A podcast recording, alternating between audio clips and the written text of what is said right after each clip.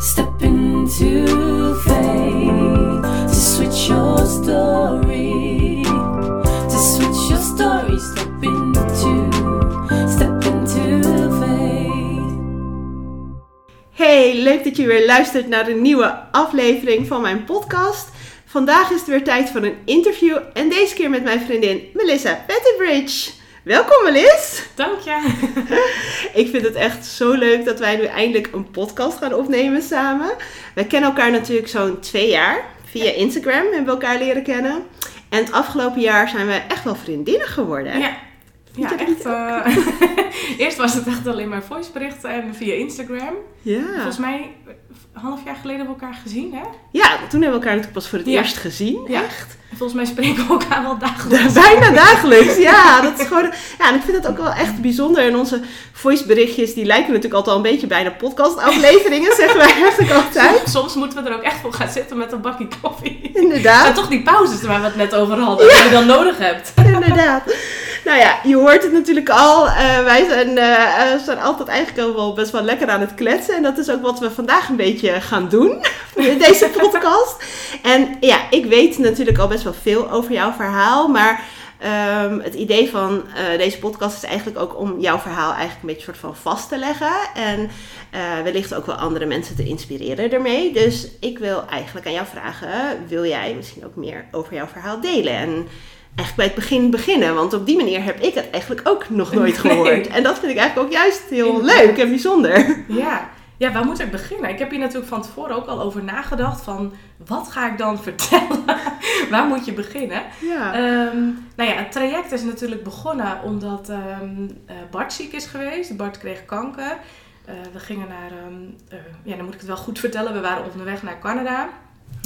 En nou ja, niet onderweg. We waren in Canada aangekomen en toen had hij een soort ja, hard gevoel in zijn buik. En wij dachten nog van, nou, misschien van de reis. Hè. Je zit toch wel een uur of, eh, wat is dat, elf of zo. Ja.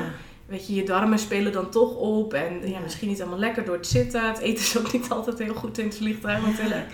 Dus wij dachten eerst nog dat. ehm, maar eigenlijk toen ik voelde, dacht ik al, dit is niet goed. Oh. Het was gewoon echt een mega hard, ja, gewoon een hard stuk in zijn buik. Maar ja, je bent in Canada. Ehm het was onze eerste verre reis, dus super spannend. eh, hard voor gespaard natuurlijk. Dus ja, wat doe je dan? Je bent zo ver van huis. Ehm, wat hebben we toen gedaan? We hebben toen, toen eh, ja, dingetjes voor zijn darmen gekocht. Kijken of dat wat hielp. Nou, eigenlijk hielp niks. Want hij had wel veel pijn. Nou, het was niet allemaal lekker, weet je. Het, zat, Mm. hij, het was net alsof hij gewoon een soort van, ehm, ja, iets met zijn darmen had. Dus echt wel een beetje Mm. buikpijn, een beetje on- vooral ongemak was het. Ehm, maar ik heb aan Bart gevraagd, wil je een arts opzoeken? Maar dat, hij had zoiets, nee, dat doen we niet. Hmm. Achteraf denk ik wel eens, hij heeft het aangevoeld. Want op het moment dat wij toen naar een arts zouden zijn gegaan, dan hadden we daar waarschijnlijk moeten blijven op de een of andere manier. Ja. En nu hebben we gewoon onze vakantie doorgezet. Ja, en hoe lang heb je toen vakantie gehad? Drie weken waren we in Oh, Canada. jullie- ja. En jullie hebben wel gewoon echt van de vakantie kunnen Ja, genieten. wel, Oh. maar er waren wel wat momenten dat iemand, hij zat natuurlijk ook aan de laxeren, op een gegeven moment Oh, een laxeermiddel. Dus toen waren we bezig met een hike en die hebben we teruggerend. dus dat was, we hebben ervan genoten, maar als ik er nu wel eens op terugkijk, denk ik, ja, dat was wel een vakantie met een, met een verhaal, zeg maar. Ja. Nou ja, vakantie was op zich prima gegaan, eh, op voeding gelet en eh, nou ja, veel gewandeld natuurlijk. Dus dan, Ja. eh, en ik denk dat Bart, ja, zoals Bart is, die heeft gewoon mij er niet heel erg mee lastig gevallen in die zin. Dus ik heb er toen niet heel veel van gemerkt. Hmm. Ehm, maar goed, toen kwamen we terug en wij hadden een weekend thuis en dan zouden we naar Engeland gaan, naar mijn familie, want er was een nieuw nichtje bijgekomen. Hmm. Maar die vrijdag zijn we toch nog even naar de huisarts gegaan. En die had gelijk eigenlijk al door dat het niet goed was. Oké. Nou ja, lang verhaal kort. In een, ja, eigenlijk stap je dan gelijk in zo'n eh, ja, medische molen. Ja. Ehm beland bij een MDL-arts. Ja. En die wist niet wat het was. Die had echt geen idee. Een scan gemaakt, zo'n tumor. 12 bij 12 even voor... eh, ja, inderdaad, want jij ik zit doe het voor, maar met je handen zit met mijn handen. 12 12 bij 12 centimeter. centimeter. Dus dat Dat is echt een mega massa eigenlijk. Ja. Ehm, dus we zagen die scan en dan zie je zeg maar zo dat lichaam en dan in zijn buik zat gewoon zo'n 12 bij 12 vlek of zo. ja, een vlek. Oh, ja. En dan tussen al zijn organen eigenlijk. Maar de MDO-arts die had geen idee. Die had echt geen idee wat hij daarmee moest. En ehm, dan zijn we uiteindelijk twee keer bij hem teruggekomen. En toen zou hij ons doorsturen naar een oncoloog. En dat komt pas over twee weken. Maar die foto van Bart's lichaam zat bij mij nog zo... Weet je, dat, ja, dat ik dacht, dat kan niet goed zijn. Dat, ja, dat voel je of zo, hè? Mm. Je voelt gewoon dat dit is niet goed. Ehm, dus Voelde hij dat ook zo? Was dat voor hem ook zo? Eh, weet ik niet meer. Mm. Nee, weet ik niet of hij dat... Ik denk dat hij een beetje... Dat het hem een beetje overkwam. Kwam. En de mensen om je heen gaan dan vaak in de actie, hè? Ja. Dus ik kwam thuis bij eh Bart zijn moeder en ik vertelde dat. En heel veel verdriet had ik toen ook. En toen zeiden we, we moeten de huisarts bellen, want we kunnen niet nog twee weken wachten. Nee. En ja, hij heeft ons doorgestuurd naar de oncoloog. Dus nee, je weet zelf wel, oncologie is niet goed. Dus nee, inderdaad. ik had al zo'n voorgevoel, dit is niet goed. Dus Nee. nou, huisarts gebeld en toen zaten we niet over twee weken bij de oncoloog, maar morgen. Dus dat was top dat dat zo snel ging. Ja. Toen heeft hij diezelfde dag nog een punctie gekregen. En ehm, ja, dat was gewoon niet goed. Dus toen zijn we doorgestuurd naar het VU.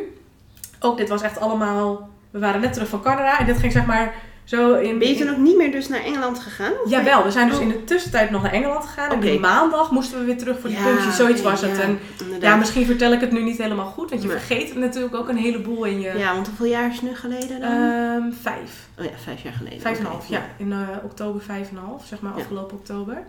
Ehm, nou ja, toen uiteindelijk in het vuur beland en dat ging echt super snel. Dat Ja. was, ehm, ze zaten in vriezen. Of eerst was nog het, eh, de vraag of eh, ja, een van zijn ballen misschien, dat gebeurt ook vaak, hè, dat de bal wordt weggehaald. Maar het was daar gelijk niet. sprake van, want je hebt het over iets, je ziet eerst iets Ja. in die buik. Ze en wisten dan, eigenlijk uit die punctie, wisten ze het is zaadbalkanker. oh, dat maar het heeft, gelijk. en dit heb ik nooit helemaal begrepen, maar het is doorgegaan naar zijn buik. Maar oorspronkelijk kwam het vanuit de zaadbal, zeg oh, maar. daar komt dat. Het kwam daar vandaan. Oh. En hoe dat dan precies zo eh, ja, zich manifesteert zeg maar, in dat buik, dat weet ik niet precies. Nee, maar nee. het was dus zaadbalkanker, Kanker. maar is, is in zijn buikholte gaan zitten, zeg maar. Oké, maar zat dan niet meer, zeg maar, vanuit bij de zaadbal eigenlijk? Nee, daar zat dus daar niks. zat dus niks meer. Dus daar, die Oh. bal hoefde er dus niet af. En dat was dus dat, dat echt bizar. Als ik het nu weer vertel, denk ik hoe, hoe wij daar dan zitten. In afwachting tot eh, het antwoord van moet de, za- moet, moet de bal verwijderd worden of niet. Eh, nou, die hoefde dus niet verwijderd, maar we moesten wel dat zaad in laten vriezen. Dus, dus dat heeft Bart drie keer gedaan. Ja. Dat hebben we dus in laten vriezen. En daarna zijn we eigenlijk gelijk al gestart met, eh, ik denk dat dit was op vrijdag of zo. En de maandag of zaterdag, zeg maar echt heel snel, zijn we begonnen met chemo's al. Jeetje, ja. Dus je belandt eigenlijk, als ik er nu op terugkijk, beland je in een trein. Twee weken tijd ongeveer. Ja, dit, ja ik denk niet eens ja. of zo. Ja, Ja. Echt al eh, tien dagen. Zo, En je gaat erin en je zit erin en je, en je doet er gewoon aan mee. Ja, inderdaad. Dat is het een beetje. Je doet er gewoon aan mee en later kun je pas erop terugkijken van wow, wat was dat? Want ik heb ook bijvoorbeeld een brief moeten schrijven. Eh we hadden Bart zaad ingevroren. Ehm, maar op een gegeven moment kwam de vraag bij ons van wat als Bart dit niet overleeft? Weet je, wat, wat doen we dan met dat zaad? Mag dat dan naar mij toe? Eh, We waren nog niet getrouwd. Hoe, hoe pak je dat dan aan? Ja, echt die mega vraag kreeg je. Ja, dus toen hebben we een brief moeten opstellen van eh, ehm, hierbij verklaar ik, Bart, bla bla bla, eh, dat mocht ik komen te overlijden, dat mijn zaad naar Melissa gaat. Zeg maar even zo simpel, dit moet natuurlijk allemaal in Ja. jargon. Ja. Ehm, dus, maar nu ik daarover terugdenk, denk ik, dan ben je, nou ja, hoe oud was ik? 7, 28? Ik wil net zeggen. Je bent net ja. drie jaar samen en dan moet je dat soort brieven gaan opstellen, terwijl we eigenlijk nog helemaal niet met kinderen echt bezig waren of zo. Nee, dat is... We hadden wel in Canada besloten van nou, we willen er eigenlijk wel mee, eh, aan mee beginnen, zeg maar. Oh ja, toch wel. en ja. ehm, ik had volgens mij ook al een afspraak gepland om een spiraal te laten verwijderen. En toen kwam dit. Dus, Hmm. maar we waren daarvoor nooit echt ermee. Ja. Nee. Dus het is heel gek om zo'n brief dan te De moeten opstellen. kinderwens was in ieder geval wel uitgesproken. Dus Precies. ja. dat gebeurt dan toch als je op reis bent. Ja. Dat dat soort dingen dan, eh, ja, dan praat je toch wat. Sprake komen. Ja. ja. Dus nou ja, dat. ehm, toen is hij dus meteen die chemo's is hij gestart. En het waren best wel pittige chemo's. Dat was dan eh, eentje van zes dagen. Eh, dan volgens mij twee weken rust. Maar in die twee weken rust moesten we ook elke keer een dag heen. Dus elke week ging je in ieder geval een dag daarheen. Dus dat was eigenlijk een, een chemo van drie weken. Mhm. En dan begon het weer opnieuw, weer met zes dagen. Dan die week daarna weer één dag. En die, die week daarna weer één dag. Ja. En dan weer. Ja. Dus ja, dan zie je gewoon Bart steeds slechter worden. En Jeetje. hij wordt steeds zwakker natuurlijk. Heftig. Dus dat was tot en met december. Want 31 december had hij zijn laatste chemo. Ehm, nou ja, en hij was zo zwak dat we gewoon met oud en nieuw gewoon niks konden doen. Nee. Toen heeft hij me ten huwelijk gevraagd om 12 uur s'nachts. Echt? Totaal In zijn, in zijn zwakte, in zijn, zeg in maar. zijn In staat. zijn Ik denk dat dat het enige is wat hij kon doen op dat moment. Wow, echt? Ja, en ik zag dat helemaal niet aankomen, want we hadden het er wel altijd over. En ik wilde natuurlijk een prinsessenbruiloft. En Oh. ik wilde heel graag trouwen, maar Bart wilde eigenlijk nooit trouwen. Oh, echt? Maar doordat we zo ehm, dit traject samen zijn aangegaan, dat, Ja. dat ziektetraject. En Toen wist hij gewoon ja, ik heb ook eh, mijn baan opgezegd voor Bart, omdat ik, ik voelde meteen van die baan waar ik zat, voelde al niet goed. Dat Hmm. was al iets waar ik niet graag wilde blijven. En ik dacht, ik moet gewoon, dit moeten we samen doen. Ja, Dus dan heb je zo intens dit samen, ja, ben je zo aangegaan. beleefd, ja. En ja, toen heb ik me bewezen, denk ik, bij Bart. dat was voor hem, dat was alles wat ik moest doen. Zij moet mijn vrouw worden. Ja, ik denk dat hij zo ineens besefte wat wij hadden, zeg maar. En, eh, maar ik zag het totaal niet aankomen. En hij Wat is zelfs leuk. die ochtend is hij naar mijn vader gegaan om mijn hand te vragen. Echt? Maar hij mocht niet rijden. Want hij had die chemo's natuurlijk en hij mocht dus niet rijden. En ik dacht wel, die auto lijkt verschoven vandaag. Maar ik dacht, nou, misschien heb ik hem zelf anders neergezet. En weet je, mijn stoel is nogal een stuk korter dan die van Bart. Dus ik merkte ook van, hé, die stoel, nou ja, best gek. 's ochtends was hij dus met de auto was hij weggegaan. Maar dat mocht dus eigenlijk niet. Maar had, hij het wel gedaan. Ja. Ja. en toen heeft hij wel de hand van mijn vader gevraagd. Oh. ook nog die dag. Dat is wel echt heel zoet Ja, eigenlijk. echt heel lief, lief, ja. Ja, en hij ging ook eigenlijk nooit weg. Dus ja, dat, eh, volgens mij ging hij vuurwerk halen of zo, zei hij met een vriend. Een heel verhaal. En ik vond het al gek, want ik dacht, vuurwerk halen, we, we vieren het helemaal niet. Dus Nee. weet je, wat ga je dan daarmee doen? Maar prima. Dus ehm, nou ja, dat was dan december. Ja. En toen, januari hadden we dan een rustmaand. En dan kreeg je weer een scan om te kijken hoe het eruit zag. Ehm, en dat bleek dat de kankeractieve cellen, zeg maar, weg waren. Maar de tumor zat er nog. Hmm. Dus dat, die massa, die zat Ja. er nog. Dus in februari, 27 februari, heeft hij dan een operatie gehad. Die duurde 9 uur. En daarbij, daarbij hebben ze ook zijn aorta moeten vervangen. En zij heeft gewoon nu een stukje tuinslang daarin zitten. Zo ziet het eruit. We hebben er ook foto's van. Daar heb ik naar gevraagd toen. Ja. Dus de hele buik was zeg maar opengehaald. En dan zie je zo'n een, ja, een, een stukje tuinslang ook zitten. Heftig. Dus dat is zijn aorta nu, zeg Ja. maar. Eh, dat kan. Maar echt een hele eh, heftige operatie ook wel. Heel, zeg maar. Een ja. risico. Levensgevaarlijk. Ja, Ja, hij had het ook niet kunnen halen, zeg maar. Ja, je aorta vervangen, dat is gewoon... Ja, dat is En gewoon heb jij daar negen uur dus... Ik heb in het ziekenhuis gezeten. gewacht? Eten. De hele dag eten. Hele het net over emotie eten. Ik ben toen 10 kilo aangekomen dat Bart ziek was. Omdat ik altijd maar... Ja, je gaat dan eten. Omdat ik daar altijd in het ziekenhuis zat. En Bart sliep voornamelijk. Ja, Maar ik zat en eigenlijk elke dag naast was zijn de hele bed. tijd aan het eten. Ik was gewoon de hele dag aan het eten. Ja. Dus ik heb daar 9 uur gezeten. En dat is wel echt slopend. Eh, nou, daarna belandde hij op de IC natuurlijk. Ja. En daar, ik weet dus niet meer hoe lang hij daar heeft gelegen, maar voor mijn gevoel echt dagenlang. Ja. Misschien waren het er drie of vier. Maar daar kan je ook maar heel even heen. Je, dan mag je niet dagenlang zitten. Nee. Maar gelukkig het contact was heel goed met zijn arts. Dus dan, weet je, ik hoorde elke ochtend al van, heeft hij, weet je, is, hij, is hij nog wakker geworden? En Ja. eh, hoe is het gegaan vandaag? Dus dat ging prima. Ja. En ja, daar daarna komt natuurlijk een tijd van herstel. Ja. Bart moest eigenlijk ook weer leren lopen. Want hij heeft na die IC, heeft hij volgens mij nog een dag of tien alleen maar gelegen. Ja. Dus ja, dat is zo bizar om eh, ja, je man zo zwak te zien eigenlijk. Inderdaad. Hij was ja. natuurlijk ook heel veel afgevallen van de chemo's. En ja. Ja. dat is heel gek is dat. Ja. Ja. Dus nou ja, beheerst opeens ook zo je leven. Dat was ons leven. Het was alleen Ja, maar dat was echt ons leven. Ja. We deden ook niks anders. Ja, je, Ja, ging wel. Ja. je ging wel een rondje lopen of proberen naar verjaardag Ja. te gaan. Maar dat, dat ging eigenlijk al niet, want Nee. hij kon amper eten. Ja. Weet je, door die chemo's word je zo zwak dat je gewoon dat Ja. eten al een, een opgave is eigenlijk. Ja. Ja, dat was inderdaad, dat was ons leven. En daarna kwam dan het herstel. Ja. Bart heeft heel intensief fysio ook gehad. En Mhm. eh, ja, daar heeft hij dan ook wel veel mee gepraat met die vrouw. Dat was echt zijn therapie. Goed. Op een gegeven moment kwam er wel een punt dat ik na een jaar zei van... Goh, moet jij dan? Ik ben steeds in therapie. Moet jij niet een keer in therapie? En toen zei hij, nou, ik heb niet het idee dat ik dat nodig heb. Want ja, ik heb dat toen al gedaan met die fysiotherapeut ook. Mm. eh. dus dat was voor Bart heel intensief om dat Ja. daarna te doen. Nou ja, en in de zomer is hij dan weer een beetje begonnen met werk. Ehm, ik moest ook weer werk zoeken, want ik had natuurlijk mijn baan opgezegd. Ja, inderdaad. Gelukkig kon ik weer terecht bij het eh regiocollege, waar ik eerder ook al een keer ben gestopt. Ja. Dus dat ging eigenlijk heel, heel mooi en ook precies zoals, zoals het had moeten zijn. Weet je Mm. wel? Je zegt je baan op, noodzakelijk, maar Ja. uiteindelijk komt er dan iets beters op je pad, Ja. zie je dan achteraf. Inderdaad. Mooi is dat. Ja, dus en in november zijn we eh, datzelfde jaar getrouwd. Dus toen was hij eigenlijk alweer heel eh, fit en eh, gewoon Het- aan het werk. Toen ging het gewoon eigenlijk al een heel stuk Ja, beter dus. Dus die operatie stuk, heeft eh, wel heel goed Uitgepakt. dan, Ja. inderdaad. Hij heeft wel echt een mega litteken over zijn hele, ja, eigenlijk over zijn hele buik. Buik, ja. En dat heeft ook wel, ja, daar gaat natuurlijk littekenweefsel zitten, dus dat moet je masseren. En, Oké.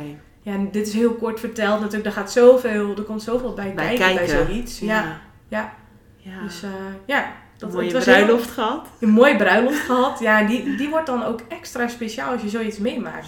Het was zo bijzonder om met alle mensen die wij lief eh, vinden, om samen zo'n dag te, te vieren. Ja, Ja. inderdaad. Ja, dat, dat is sowieso het magische aan bruiloft, hè? Sowieso al, ja. En nu was het extra beladen ook wel. Ja, want ergens ook wel dat je je nog meer beseft of zo. Dat ja, je je in je leven ook echt. Ja, inderdaad. Dat, het- leven is niet oneindig en het had ook eh, heel anders Precies. kunnen lopen. Ja, ik denk ook wel dat het niet echt eh, alleen de bruiloft was. Het was echt het leven vieren ook. Ja, en we mooi. hebben ook een mega feest gehad. Waarbij wij allebei alleen maar hebben gedanst ook. Wat goed. Houdt hij ook heel erg van dansen Ja, dan? ja, Ja, wat goed. Ja, ik vind dat ook echt fantastisch. We hebben ook een, ehm, we hadden ook een, eh, een dans ingestudeerd. We waren ook echt op dansles gegaan met z'n tweeën. Echt, wat grappig. Ja, ik, ik wilde dat altijd al. En ik heb Bart zo ver kunnen krijgen dat hij dat ook... Oh, wat Hij vond dat ook echt heel leuk, ja. Oh, Kijk, en op dat moment gaat het heel anders dan dat je het Ja, van tevoren hebt. Maar ja, dat was gewoon heel leuk. Dat was echt een mooie dag. Oh, wat Het is ook een goed. soort van afsluiten, denk ik, van zo'n periode. Ja, inderdaad. gewoon weer, eh, ja, Want ik- het ging ook wel weer beter met hem. ja, toen, het hè? ging echt best wel Ja. snel beter. En kijk, natuurlijk moet hij dan opbouwen. En nu nog, eh, Ja. vijf jaar later, heb je nog de gevolgen ervan. Ja. Maar die neem je erbij. Weet je, dat, en waar merk je dat aan? Wat, eh, wat Nou, bijvoorbeeld ehm, kleine dingen. Ik, ik kan niet alles noemen, want sommige dingen zijn echt wel heel privé. Maar kleine dingen als dat hij zijn voeten bijvoorbeeld door de chemo niet meer zo goed voelt. Dus hij stoot constant zijn voeten. En dan voel ik het al, dan zit ik al een soort van, oh pas op, pas op. Ik voel het al aankomen, want ik weet dat hij heel vaak op hetzelfde stukje zijn voeten stoot. En eh, soms zeg ik het ook al van, pas op je voeten. Weet je, dat zijn van die kleine dingen. En zijn darmen zijn door de war, want zijn darmen zijn eruit gehaald. En hij is heel vergeetachtig, weet je. En daar Oh, hebben we het dan laatst over gehad. Dat, ehm, ik moet best wel vaak dingen herhalen. En ik denk dat wij vrouwen dat sowieso vaak bij onze mannen moeten doen. Maar op een gegeven moment dacht ik, ik moet toch wel tegen hem vertellen van, dat ik dat ook wel lastig vind. En hij vindt dat ook heel lastig. Oh ja. Het is super confronterend voor hem dat Ja. hij niet alles meer eh, kan opslaan. Of, eh, Nee, je bent natuurlijk niet die persoon die je voordat je nee, ziek was, joh. zeg maar. En weet je, Bart die, ehm, die, wer- eh, die is agrarisch, eh, hij zit in de agrarische sector, hij is loonwerker. Dus daar is het heel gewoon dat je gewoon 70 uur per week maakt in drukke Ja. periodes. En eerder kon hij dat heel makkelijk. Ja. Deed hij gewoon. Nu doet hij dat nog, maar is hij helemaal gesloopt. Weet je, dat vergt veel meer van hem. Inderdaad. Dus daarin merk je gewoon dat hij echt wel een, eh, ja, je- toch wel een achterstand heeft of zo. Maar ja, ik denk als je hem vergelijkt met een, een gewone gezonde jongen, is hij gewoon hetzelfde. Maar waar Bart was, daar is hij nu niet meer. nee. Hij is echt wel, eh, hij heeft wel echt wel behoorlijk moeten inleveren. Weet je, eerder moe en nou, dat Ja, vergeetachtig is heel vervelend. Ja, En daar vind je ook wel een weg in, maar ja, ja, dat zijn best wel eh, ja, moeilijke dingen of zo. inderdaad. Ja. Nee, En, eh, zeker, zeker niet gemakkelijk zeg. Jeetje. Nee, en hij heeft ook wel meer, eh, eerder kans op hart- en vaatziekten. Zijn cholesterol moet in de gaten houden. Dus ja, Ja, dat zijn, toch wel eh, dingen die door blijven lopen waar je altijd wel rekening mee moet houden. Precies, ja, Ja. precies. Nee, en het grootste, de gro het grootste gevolg is natuurlijk ons traject waar we daardoor in zijn beland. Om gelijk een bruggetje te kunnen maken, Ja. denk ik. Inderdaad. Ehm, ja, zijn zijn bal is dus niet verwijderd. Maar Nee. zij, door de, volgens mij is dat door de operatie dat zijn zaad wordt niet meer aangemaakt. Dus hij, maakt, hij produceert geen zaad. Oké.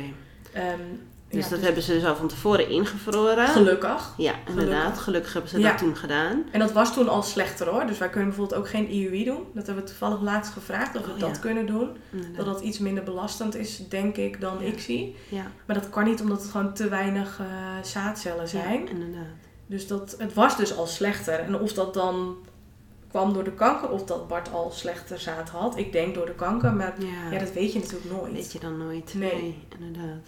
Dus ehm, ja, dat is dan het bruggetje naar, Na het naar het traject. traject, ja. Dat hebben we wel even gelaten hoor, want we zijn Ja. dan in april 2018, dus in 2017 zijn we getrouwd. Dus Ja. dat was echt, 2017 was het jaar van herstel eigenlijk. Ja, herstel. En dus eindigde met een mooie bruiloft. Ja, Ja. en een mooie, we zijn toen naar eh, Disneyland geweest. Oh. En onze huwelijksreis hebben we dan in april 2018 gedaan. Ja. Zijn we vier weken naar Amerika geweest. Oh.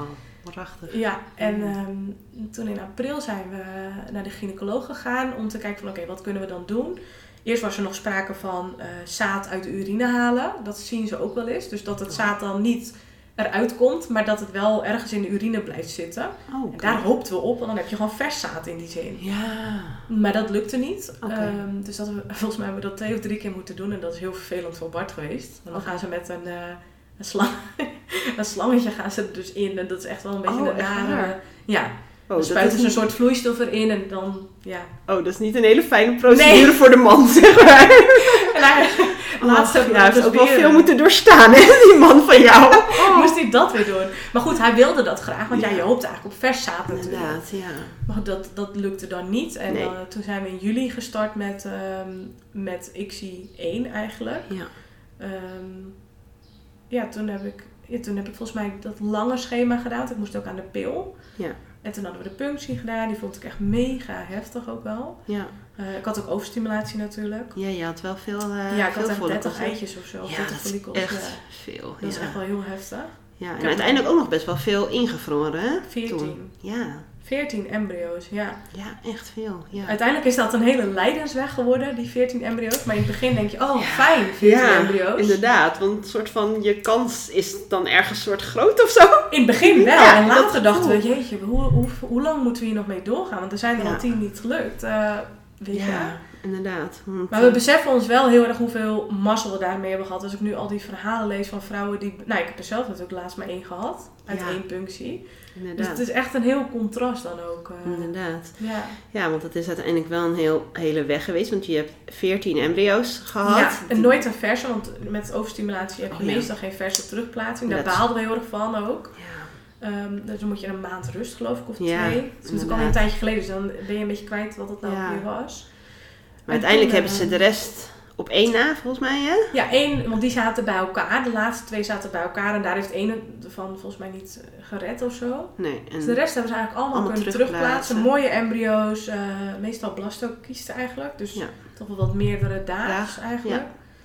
Ehm, en dat ging eigenlijk allemaal heel goed, zeg maar. Al die terugplaatsingen gingen ook Goed. goed. Ja. Er was, ik heb één keer een nare gehad met een man, eh, die dat niet helemaal, dat ging niet helemaal lekker. Maar verder heb ik altijd gewoon ja. prima terugplaatsingen gehad ook. eh. Alleen je hebt nog nooit een positieve zwangerschapstest gezien, hè? Nee, Nee. nog nooit. Nee, dus dat is nu drie, ja, vier jaar sinds... Nou, in 1 april vier jaar geleden dat we echt zijn gestart.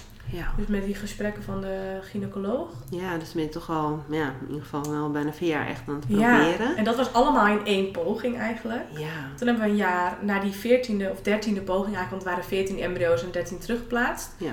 Ja, na die laatste poging was ik zo klaar en op ermee dat ik dacht, ik, ik kan gewoon even niet meer. Nee. En het idee, het idee van nog een punctie, dat, dat vond ik zo angstig. En in ons ehm, ziekenhuis werd geen eh, eh, narcose of sedatie gedaan. Nee. Dus ik zag het gewoon niet zitten om een punctie zonder narcose te doen. Dus toen zeiden we, nou weet je wat, dan stoppen we gewoon. En voor hoe lang, dat weten we nog niet. Nee. Ehm, toen hadden we een reis eh, gepland naar Amerika. Dan zouden we acht weken naar Amerika gaan. Want we dachten, ja, als we dan hiermee stoppen, dan moet er wel iets zijn waar we naar uit kunnen kijken. Weet je Ja, wel. reizen is wel Reizen- een thema bij jullie. Ja, dat is onze passie en daar halen we heel veel energie uit. Mooi, ja. Dus daar genieten we ook heel veel van met z'n tweeën. Dus toen dachten we, nou, dan kunnen we daar onze zin op zetten. Want Ja. nee, je kent het wel in het traject, je moet ergens naar uit kunnen kijken. Ja. Ehm, en dat was een goed plan B. Nou ja, corona gooide roet in het eten, dus dat ging niet door. Dus toen ging je niet acht weken naar Amerika. Nee, dus dat was wel weer een, ehm, ja, Weer weer teleurstelling ja. die we weer moesten incasseren. De zoveelste. Ja, de zoveelste. Dat je denkt, oké, dan, dan zetten we dat traject een beetje op, eh, ja, op pauze. Ja. Verzetten we ons, ja, zetten we onze zin op iets anders. En dan Ja. mag dat ook ons niet eh, nee, lukken, zeg maar. Ja. Ehm, nou ja, toen zijn we uiteindelijk, wij, we zijn inmiddels goed geworden in eh, ja, omdenken. Ja. Dus toen gingen we Nou, kijken, oké, wat kunnen we dan wel? Ja, inderdaad. Waar mogen we wel heen? Want we Ja. moeten weg. We gaan weg Ja. met z'n tweeën. Ja. Dus toen zijn we lekker naar Curaçao geweest. Ja. Fantastisch. We zijn normaal eigenlijk hele actieve vakantiegangers, dachten we. Maar dit vonden we heerlijk. Het was precies wat we nodig hadden. Eten, Ja, liggen. ehm, ook wel een hike gedaan. De Christoffelberg beklommen. Dus even goed een beetje combi van eh Ja, en het was de coronatijd. Dus Coronatijd, dus je bent al blij dat iets Dat mag, je überhaupt maar. iets, Ja. eh, dat je überhaupt wel naar Curaçao kon gaan. Precies, dat was natuurlijk was al, fantastisch. Ja, Ja, was echt fantastisch. ja, zo fijn. Een paar dagen thuis geweest en toen hebben we een camper gehuurd. En toen hebben we nog vier weken door Europa gereden. Dus we hebben het wel redelijk kunnen compenseren, zeg maar. Ja, eh. mooi dat je de, die tijd ook hebt kunnen nemen om dan toch ja, met elkaar... Het moest ook, zeg maar. Hoor. ja, Echt wel met elkaar. eh, je verliest elkaar toch wel een beetje in zo'n traject. Of je verliest Hmm. elkaar niet, maar je moet ervoor zorgen dat je elkaar niet verliest. Ja. je Bart zegt ook bij elke poging: het is gewoon een aanslag op je huwelijk. Hmm. Je zet gewoon je huwelijk op het spel. Want het is zo. Ja, met die hormonen, ja, jij hebt er niet zoveel last van, hè? Ik word Dat valt gelukkig wel mee. ik word niet helemaal een heel hormonster of zo. ik ben een hormonenheks. Ja, hormonenheks. Nee, valt wel mee, maar je moet het misschien aan Stan vragen eigenlijk, weet je. Maar ik zeg altijd, nou volgens mij valt het wel mee. Ja, ik dacht ook dat het deze ronde bijvoorbeeld meeviel, maar... ja, Vond Bart zei, van niet? Nou, Bart zei het is wel beter dan de voorgaande keren, maar ik vind het toch wel heftig, zei hij. Dus, Oh. oh, shit, dit is toch wel een beetje...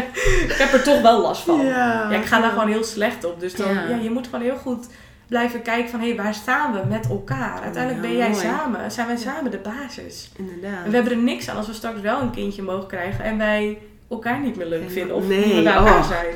Ja, nee, vreselijk. Ja, nee. Dus die vakantie was heel goed. Ja, En, goed ehm, dat je dat ook ehm soort van als eh, richtpunt of zo Ja. houdt. Hè? Dat je die focus daar wel op Dat houdt. doen we Ik denk altijd. dat dat wel Ja. heel belangrijk is. Dat denk ik ook. Dat hebben we eigenlijk ook altijd wel gedaan. Ook eh, ja, tussen die pogingen door steeds wel een maandje rust. In ieder geval nooit meteen... Ik Nee. niet herinneren dat we meteen door zijn gegaan. Nee. En altijd die tripjes. Altijd Ja. een, een tripje of een vakantie. Om Ja. weer even op te... Je hebt dat nodig. Ja, Iedereen heeft dat nodig, maar zeker in een traject denk ik. Ja, inderdaad. En als dat dan kan, dan... Ja, eh, dan moet je dat gewoon doen. Inderdaad. En vooral als dat datgene is ook wat, wat juist voor jullie dan goed werkt. Hè? Dat je dan weet dat je daarvan oplaat. Dat je weer even mentaal misschien ook wel weer...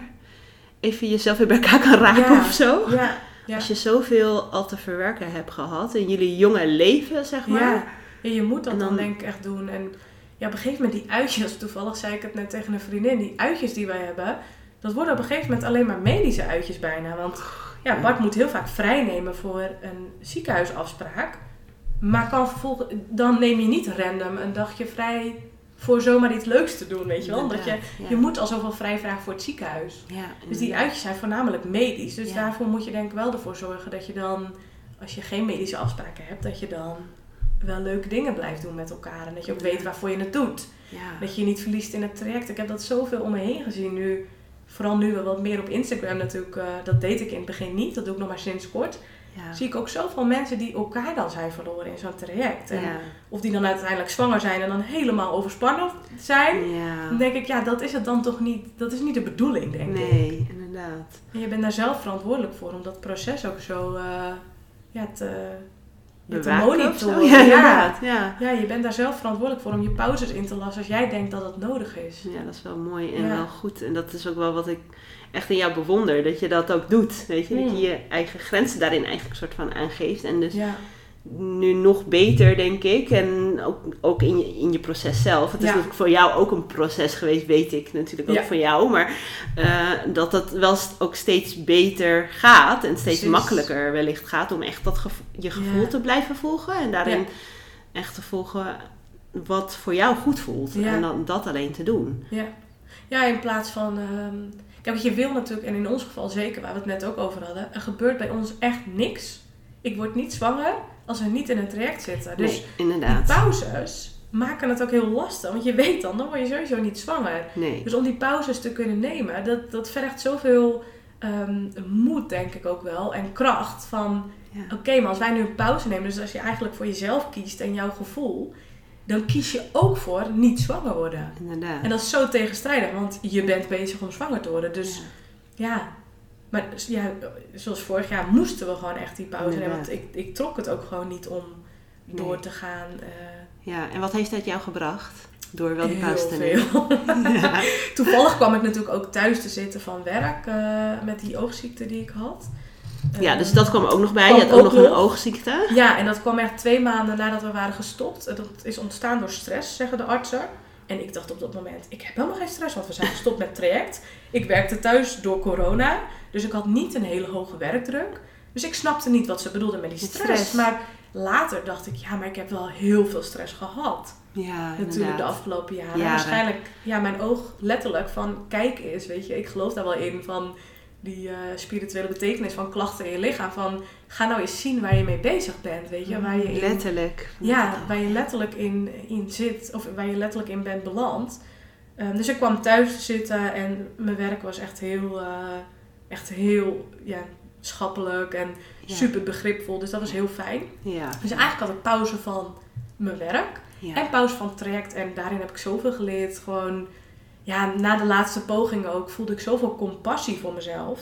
Waar ik eerst nog wel boos kon zijn op mijn lichaam. Van waarom, waarom word je nou niet zwanger? Weet je wel, waarom werk je niet zoals het hoort? Hmm. Daar voelde ik nu deze keer zo, ehm, ja, liefde of zo van mezelf. Hmm. Dat ik echt kon kijken van, jeetje, wat heb je, veel, wat heb je al veel gedaan? En wat heb je al veel op je bordje gehad? En Ja.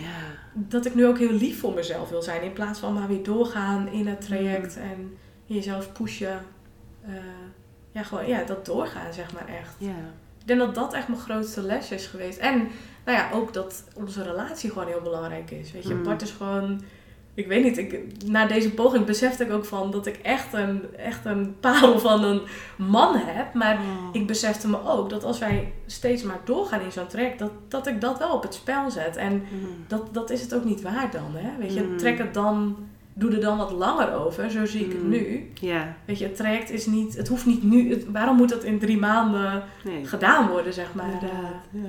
ja, dus ja. Mooi is dat. En Ja. wat dat betreft, ja, je bent natuurlijk ook nog wel een stukje jonger dan ik. Dus Ja. dat scheelt. Nou ja, dat, misschien dat jij mij ook wel eh, daarin, dat ik denk, ja, ik, ik- het voelt alsof ik geen tijd heb, omdat je, de mensen om je heen zijn allemaal, die hebben allemaal kinderen, Ja, maar als je echt gaat 30, kijken, dat is gewoon, ja. dan weet je, ga- 33, ik word 34, ik heb nog zo lang, waarom Ja. zou ik dan die haast erin maken, terwijl ik daarmee mijn huwelijk op het spel zet? Ja, En nee, dat we is- hebben zoiets moois en dat wil ik Mm. ook zo graag zo houden.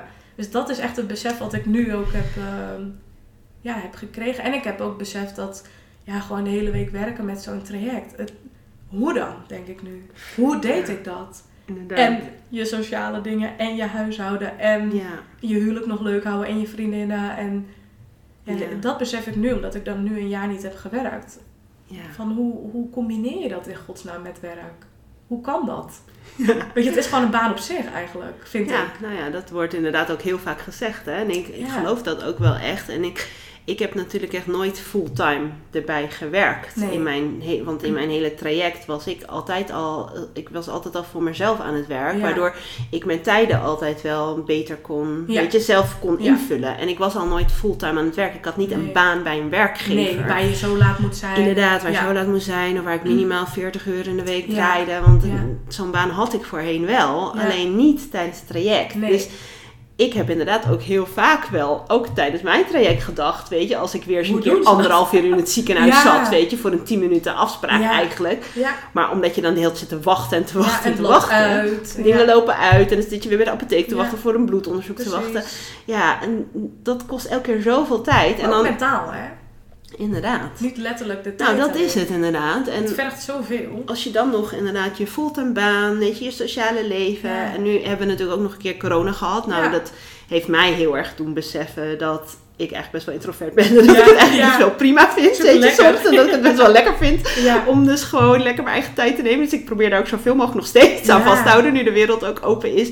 Ja, ik heb toch denk nog steeds het gevoel van ik zit nog in mijn traject of zo, weet je, ook dat. Ja. Dat ik dan toch dat bewaak meer. Maar Ja. het is wel iets wat ik ook wel heb geleerd de afgelopen jaren. Ja, Dat dat dan ook achter, nodig hè? dat het dan toch echt nodig is. En, eh, en dat het mij in ieder geval helpt. En dat verschilt natuurlijk heel erg per persoon. Want als jij een heel extravert persoon bent, dan haal je juist heel veel energie uit andere mensen. En dan vind je het juist fijn dat andere mensen bij jou in de buurt zijn. Precies. Ehm, maar als je dat niet bent, als je die meer introverte persoon bent, dan moet je die grenzen ook wel voor jezelf Zeker. gaan bewaken. Want juist, dit kost al heel veel energie, zo'n Ja. traject. Ik denk dat we dat wel onderschatten hoor. En Nou, ik zit nu ook te denken, ik ging dan, ehm, eh, ik kan gelukkig wel mijn tijden een beetje zelf bedenken, zeg maar, op mijn werk, omdat ik mijn afspraken zelf plan. ja, dat is En fijn. daar ben ik heel blij om, want ik Ja, kan me niet voorstellen hoe het is als jij om 8 uur moet begi- beginnen en Hoe Nee. doe je dat dan? Zonder dat mensen het op je werk weten. En Ja. bij mij wisten ze het de eerste paar jaar niet, omdat ik het gewoon heel goed zelf kon plannen. Ja. Maar ik denk nu wel eens van jeetje, je ging dus naar een echo in je eentje, want Bart die ging niet mee. Want voor mij was het logischer om na het ziekenhuis naar mijn werk te gaan. Ja. Dus heel onhandig als Bart ook meeging voor een echo alleen. Ja. Ehm, want we, het was voor ons ook drie kwartier rijden. Naar het Ja. ziekenhuis sowieso zonder file. Ja. Dus ik ging dan alleen, maar dan ging ik na een echo naar mijn werk. En soms was die echo niet helemaal hoe ik had bedacht. Nee. En dan was ik teleurgesteld. Maar dan ging ik met die teleurstelling naar mijn werk. En nu vind ik dat zo zielig voor mezelf dat ik dat heb gedaan. Ja. Nu denk ik wel, jeetje, waarom Ja. heb je je niet toen ziek gemeld? Of waarom heb je dat niet anders ingedeeld, weet je wel? En dat vrouwen doen dat waarschijnlijk Iedereen ook, waarschijnlijk, Iedereen doet dat met een baan. Je gaat maar door. Inderdaad. En, En- soms krijg je slecht nieuws. En dan moet je jezelf weer bij elkaar rapen. En dan ben je dat dus aan het opkroppen. Ja. En je komt daar met een lach op kantoor of uh, Ja, op dan moet je inderdaad En dan ben je bepaalde weer... energie dan heb je een andere rol. En eh, continu die rol spelen, dat, ik denk dat dat ook veel van je vergt. Ja, dat vraagt Ja. heel veel van je. Kijk, en dan belde ik wel Bart natuurlijk om te vertellen van, nou, dit was, maar hij, hij is er dan niet bij en je Nee. kan er ook niet samen eh, dat stukje delen. Even, ja, een momentje pakken, Nee. zeg maar. Nee, want je moet snel naar je werk, want ja, je, je was al wat later. En Ja, ik denk dat we dat echt wel behoorlijk onderschatten. En daar ben ik nu ook achter gekomen doordat ik nu een tijdje niet heb gewerkt. Van, weet je, dat ziekenhuis, dat, dat vergt veel van je. Al die energie Ja. ook in het ziekenhuis. En weet je, het is niet leuk waar je komt. Het is geen leuke Nee. plek. Daar krijg je Nee. geen energie van. nee. Maar dat neem je wel mee naar de rest van je dag, de rest van Ja. je week. En ja, dat maakt je gewoon heel moe, denk ik. En wat doe jij dan om, ehm, om die energie wel te bewaken? Of mentaal, zeg maar, door dit alles sterk te blijven? Ehm, lastig vraag, want ik denk dat, dat dat ook een beetje is dat je, waar je naar zoekt steeds, die ja, balans. inderdaad. Ehm, wat ik nu merkte, omdat ik nu dus nog niet volledig werk, ik ben wel begonnen met werken. En ik ook op de dagen dat ik naar het ziekenhuis moest, de afgelopen poging, ehm, dat ik dan nog niet naar mijn werk hoefde, plande ik ook daarna wat meer rust. Hmm, Dus dat ja. is denk ik belangrijk. Ehm, het beseffen dat het veel van je vergt. Dus Ja, dat het wat kost, dat scheelt denk ik ook. Dus dat je ook kan zeggen tegen mensen van nou, we hadden best wel een, een, ja, een druk ziekenhuisweekje, zeg maar. Dus dat, ja, dan ben je ook wat, wat moe eh, in het weekend. Dus dat je ook in het weekend wat minder plant. ja. Dat je dan ook nog een beetje bij kan komen van de week. Ehm, en verder wandelen, sporten. Dus echt die tools die je kunt gebruiken gedurende de dag. Eh. Sporten geeft me gewoon heel veel energie. En daar kan ik ook echt wel mijn, ja, mijn ei in kwijt. En even ja, weer energie Ja, krijgen. fijn. Terwijl je energie geeft. Maar ja, ik denk dat dat de dingen zijn eh, om het te kunnen trekken. En verder, het is gewoon zwaar. Ook ja, net na de laatste poging had ik het ook heel zwaar. Heb ik ook tegen jou verteld natuurlijk. Ja. De eerste week ging het wel. En die tweede week voelde ik me zo beroerd Ja. voelde ik me echt kapot. Gewoon echt. Maar ik vechtte daartegen. En toen op een gegeven moment zei Bart tegen mij: Maar je moet ermee stoppen om er tegen te vechten. Weet je, je mag je nu gewoon even kloten voelen. Ja. En op het moment dat ik dat deed, dus het echt erkennen van: Oké, ik voel me nu gewoon. Ja, kloten. Om het netjes houden. Meer dan kloten eigenlijk. Ja. En ook, ik ging dat ook uitspreken naar mensen. Als mensen aan mij vroegen van, oh, hoe gaat het met je? Dan kon ik normaal wel zeggen, nou ja, weet je wel, teleurgesteld. Maar nou, het gaat. En we kijken vooral naar wat we wel hebben. En nu dacht Ja. ik, nee, het gaat gewoon niet. Het Nee. gaat deze week niet. Nee. En ik deed dat en er ontstond meteen ruimte. Ik Ja. begon me steeds beter te voelen. Hmm. Dus ik denk dat dat het ook is. En weet je, we gaan allemaal maar door. En al die mama's, al die wensmama's zijn zo sterk op Instagram. Ik zie het gewoon, hoe, Ja. hoe we maar doorgaan en hoe, hoeveel we van onszelf vragen. Ja. Maar het erkennen dat het zwaar is en Ja. ook die, die rust voor jezelf te nemen daarin, dat is zo belangrijk. Heel belangrijk. Ik denk dat dat wel een van de tools is die je dan. eh, Kijk, het wordt nooit niet zwaar, denk ik. Dat kan niet. Nee, Dus helaas. je kunt dat eh, niet weghalen. Dat, nee. dat kan gewoon niet. Nee, dat is iets waar je toch, als je in het traject zit, mee te dealen hebt Ja. zo, hè? Dat, ja. Ja, dat moet je erbij nemen. Maar ja, hoe jij er zelf mee omgaat, nou ja, weet je, onze mindset, dat helpt ook. Ja. Hoe jij er zelf over denkt. Kijk, je, ik ging erin zitten, maar ik ging ook kijken van, oké, maar wat kan ik dan wel? Ja, Weet je, waar kan ik me nu op focussen? We zijn nu weer even gestopt. Waar Ja. kan mijn focus naartoe? Ja, inderdaad. En dat is denk ik heel belangrijk. Niet wel erkennen, maar niet erin blijven hangen. Nee, inderdaad. Ja, en dat het er wel even mag Ja, zijn. dat mag er altijd zijn. Inderdaad, dat het er altijd even mag zijn. Zeker Ja. op het moment dat je er behoefte aan hebt. Want dat is Mm. natuurlijk iets waar wij ook al wel eerder gesprekken over hebben gehad. Hè? Over dat wij vaak wel. We zijn natuurlijk veel eh, over het algemeen heel positief. Hè? Ja. We proberen heel positief te blijven. Maar laatst had ik ook zo'n quote. Ik weet niet eens meer wat het was. Maar ook over iets van dat als je dat je als je positief bent, dat het niet altijd betekent dat het niet zwaar is. Nee. Of dat je je soms ook rot mag voelen en zo. En dat wij dat ook voelen, weet je. Ja. Net als elke andere Ja. wensmoeder, Het denk is niet ik. altijd, Het het, is- gaat niet altijd goed. En het is niet altijd dat wij positief denken of ehm, dat je misschien me- meteen kunt omdenken. Nee. Dat, dat kan ik ook niet altijd. En ik kan nee. ook wel eens echt in een negatieve spiraal zitten. En ja. Ja. dan haalt Bart me eruit. Uit, Of iets ja. haalt me eruit. Een bepaalde quote bijvoorbeeld kan me er ook gewoon uithalen. Ik denk, oh ja, waar maak ik me nou eigenlijk zo druk? Weet je? Dus, maar ik denk ook humor is ook heel belangrijk om, er, om er op die manier naar te kijken. En, ja, en kijken naar wat je wel hebt. Ik denk dat dat echt Oh. mij het meeste helpt. Van. Kijk eens wat er wel al is. Ja. Weet je, Bart leeft nog. Dat, dat Ja, beseffen we ook wow. nu steeds meer. Van, hij is er nog. En we hebben het super leuk samen. We hebben echt Ja. een heel goed huwelijk. En ja, dat is zoveel waard. Ja, vind ik echt zo mooi om te horen ook van jou. Want ik heb nu natuurlijk ook al meerdere vrouwen geïnterviewd. En Ja. daar zaten ook wel een paar vrouwen bij. Dat gaat echt over secundaire kinderloosheid. Weet je, waar ik natuurlijk ook eh, alles over weet. Maar dan, dan hadden we, hebben we het er ook wel over gehad van... Ja, denk je dan ook dat het dan makkelijker of zoiets voor ons, weet je... Is omdat je dan al een kindje Ja, hebt, oh ja. weet je? En, en dat, je het dan, focus dat, dat gaat, je focus je? dan daarop ligt. En dat je daardoor dus ook wel nog gemakkelijker soms misschien kan zeggen van... Kijk eens wat we al hebben. Maar ik vind het juist zo mooi om dat dus dan nu van jou te horen. Voor iemand die dus nog nooit een positieve zwangerschapstest heeft gezien. Die dat dan ook nog steeds kan zeggen. Ja. Dat je nog steeds ook kan beseffen. En helemaal natuurlijk door alles wat jullie hebben meegemaakt. Wat niet alleen maar met de kinderwens te maken heeft.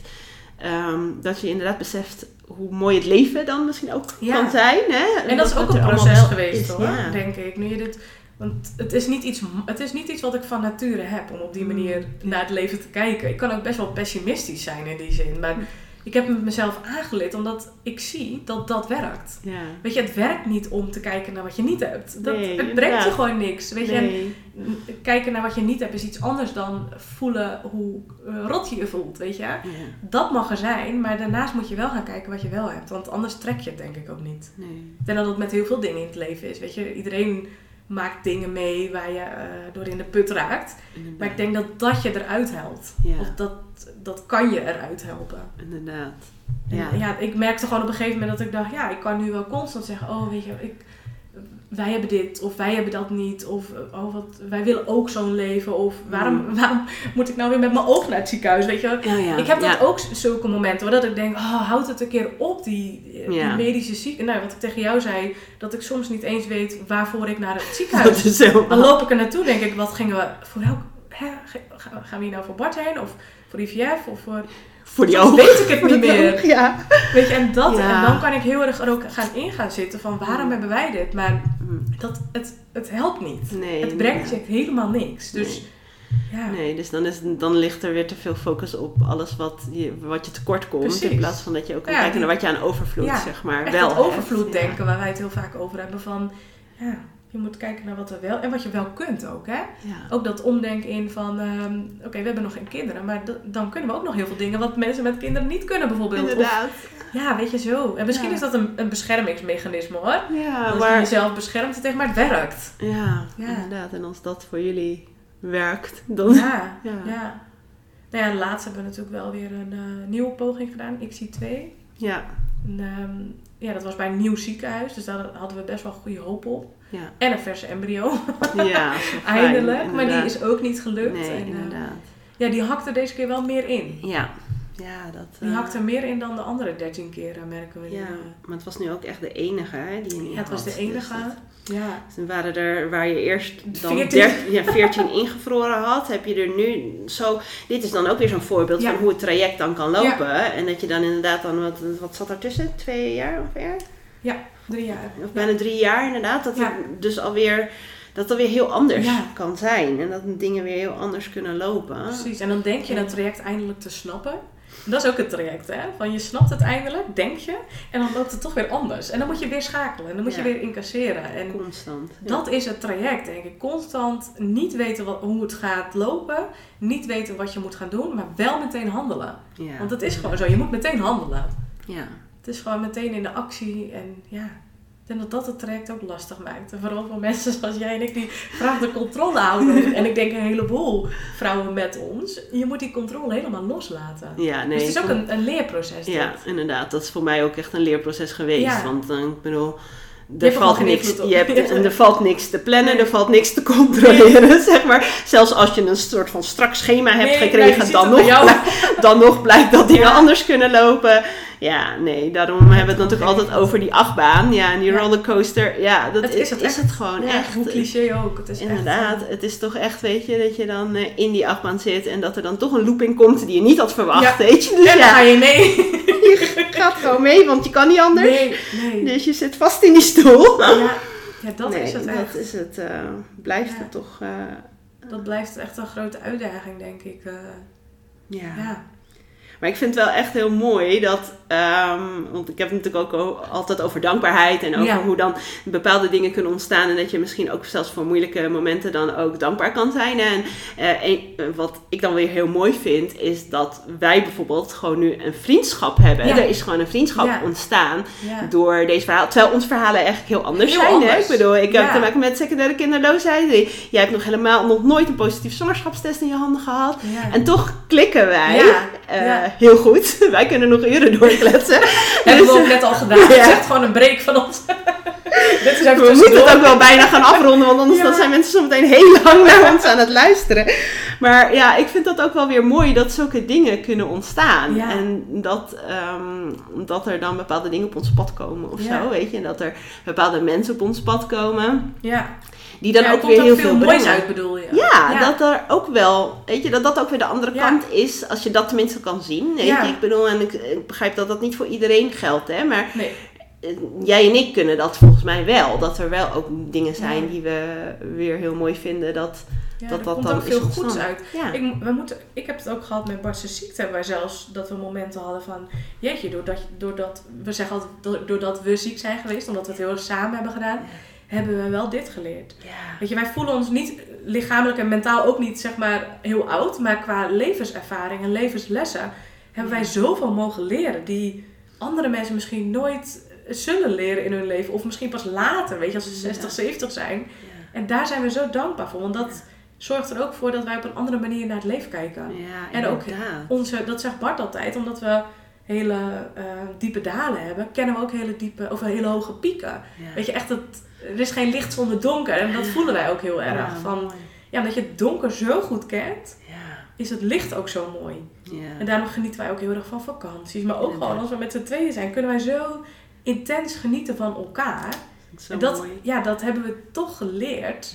Kijk, voor die tijd waren wij ook gewoon mensen die altijd maar bezig waren met werk en feestjes, drie feestjes op een avond. Gingen we naar allemaal. En Ja. nu kiezen we er één uit en daar zijn we. Ja. Weet je, we zijn daar met al onze aandacht. Ja. En dat haal je daar wel dan uit, uit zo'n eh, ja, ziekteproces of ja. het traject. Inderdaad. Mooi hoor. Ik vind het echt super mooi om te horen hoe je dat. eh, ik hoop ook dat andere vertelt. mensen dat ook altijd zo kunnen ervaren, ook in het traject natuurlijk. eh. Ja. maar ik weet ook dat het niet, en je hebt het ook niet altijd hè. Nee. Dit is niet iets wat ik altijd, laten we dat voorop stellen. Nee, maar daar ben je denk ik ook best wel duidelijk in geweest. En dat heb je eh, denk ik ook best wel duidelijk verteld. En dat, dat weet denk ik iedereen wel. Dat, ja, dat, dat is ook wel zo.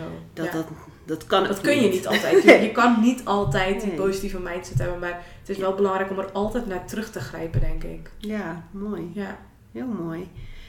Om ehm, toch al bijna af te sluiten, even over iets heel anders. nee, wacht eventjes, voor, Oh. voordat we daarheen gaan.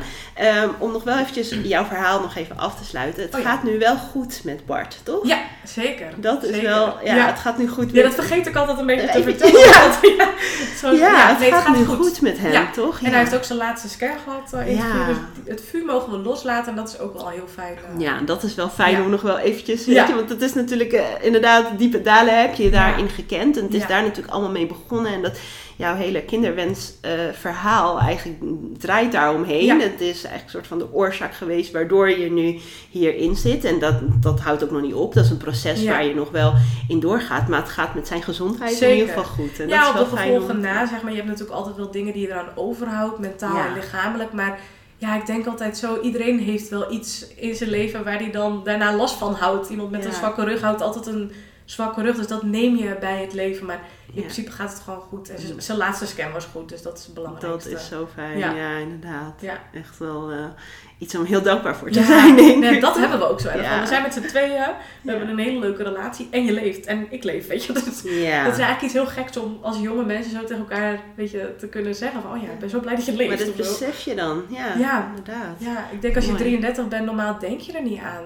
oh, ja, over het algemeen, dat je überhaupt nu dood zou kunnen gaan. Ja. Dat moet ook niet hoor, dat moet ook niet. Dat moet je ook lekker niet Het doen. is ook fijn als, Het- als die naïviteit is heel fijn om Ja. te hebben, maar dat zorgeloos hebben wij niet meer. Nee. Maar daardoor besef je ook wel weer hoe fijn het is als je ja, gewoon gezond bent natuurlijk. Inderdaad, ja, Ja. zeker. Nou, om dan toch wel even bijna af te sluiten, nog wel iets met iets leuks. Want eh, jij bent bezig met de organisatie van een evenement. Ja, Voor wensmama's, toch? eindelijk. Ja, dat heb jij al een hele tijd in je hoofd. Ja, ik En, voelde eh, gewoon heel sterk dat ik... eh, nou ja, weet je, die, sinds ik op Instagram dat, ehm, ja, die community volg, en zij mij ook, eh, zag ik hoe fijn die soort... Ja, ik ben heel erg van de sisterhood, van elkaar optillen. Jij dat ook. En ik zag dat dat ook hier gebeurde. Elke keer als iemand een teleurstelling had...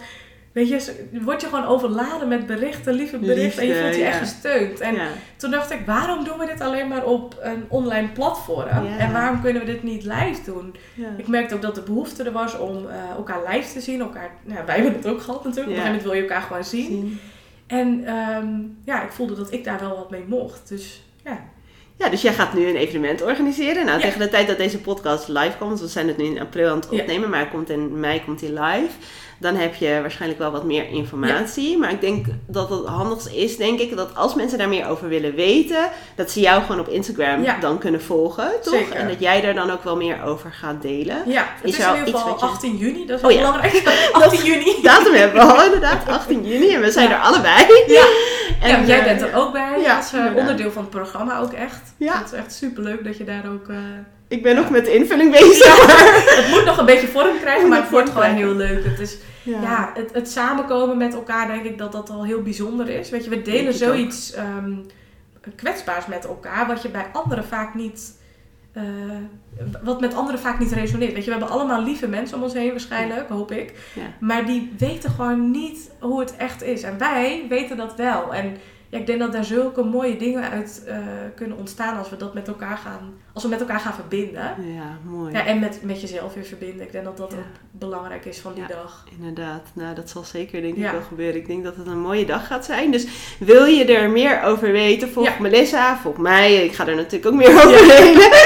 Dus, ehm, en eh, ja, hou gewoon alles in de gaten. En eh, als je het al vrij kan houden, hou 18 juni dus vrij. Want dan hele zou dat heel leuk vinden inderdaad om dan live met je te verbinden. Ja. We Nou. doen het op een hele mooie locatie. Dus eh, ik denk dat het een hele gaaf... Ik weet gewoon dat het een hele gave dag gaat worden. Oh, ik heb er nu al zin in. heel leuk. Ja. Nou, om nu echt af te sluiten, Ja. is er nog iets wat jij nog wilt delen? Of iets wat ik wellicht niet gevraagd heb, wat je nog graag wilt delen met de luisteraars? Ehm, nou, ik hoop dat wat ik heb geleerd dit afgelopen jaar is gewoon dat het echt belangrijk is om voor jezelf te zorgen. Weet je, jij bent Hmm. hier en het kindje is er nog niet, maar jij bent hier wel. En ook je partner is hier ook. En dat is zo belangrijk om in jezelf, maar ook in je partner te blijven ja, investeren. Dus Hmm. jezelf niet te verliezen in een traject en neem een pauze als dat kan. En Ja, ik zie te veel mensen nu doorgaan en dat ik denk, joh, één, één maandje of twee, dat Ja. vliegt voorbij. inderdaad. Maar het brengt zoveel. Ja, Weet je, gun jezelf die rust. Dat, ja, mooi. dat, ik gun dat iedereen. Ik Ja. gun dat alle wensmama's. Want je moet al zoveel. En je, vra- je vraagt al zoveel van jezelf. Hè? Ja, Ja, dat inderdaad. het zo belangrijk is. Het, Ja. het komt niet op twee maanden aan. Nee, inderdaad. Nee, mooi. Mooi om daarmee af te daarmee sluiten, afsluiten? toch? Ja. nou, echt heel erg bedankt voor het delen van jouw verhaal, Ja, graag ik vind het echt heel leuk dat we Ja. dat op deze manier hebben kunnen doen. Eindelijk. Ja, eindelijk inderdaad. Want het stond al een tijdje op de planning. Nou, echt lieve luisteraar, heel erg bedankt ook voor het luisteren naar deze aflevering. En als je het leuk vindt, laat het ons dan ook eventjes via Insta weten. Want Melissa en ik willen, vinden dat denk ik allebei heel leuk om te horen als je hebt geluisterd. En als je misschien ook iets eruit hebt gehaald. Zeker. Of als je ja. je stories wilt delen, tag ons. Mag horen- allemaal. we horen het graag van je. Leuk dat je hebt geluisterd naar deze aflevering van Amelia Stegwij podcast. Wil je meer weten? Kijk op ameliastegwij.nl of volg mij op Instagram, Amelia Stegwij. Vind je dit een leuke podcast? Dan zou je mij natuurlijk enorm helpen door een review achter te laten, zodat mijn podcast beter gevonden wordt. En ik hopelijk nog meer mensen mag inspireren. Alvast heel erg bedankt en tot de volgende aflevering.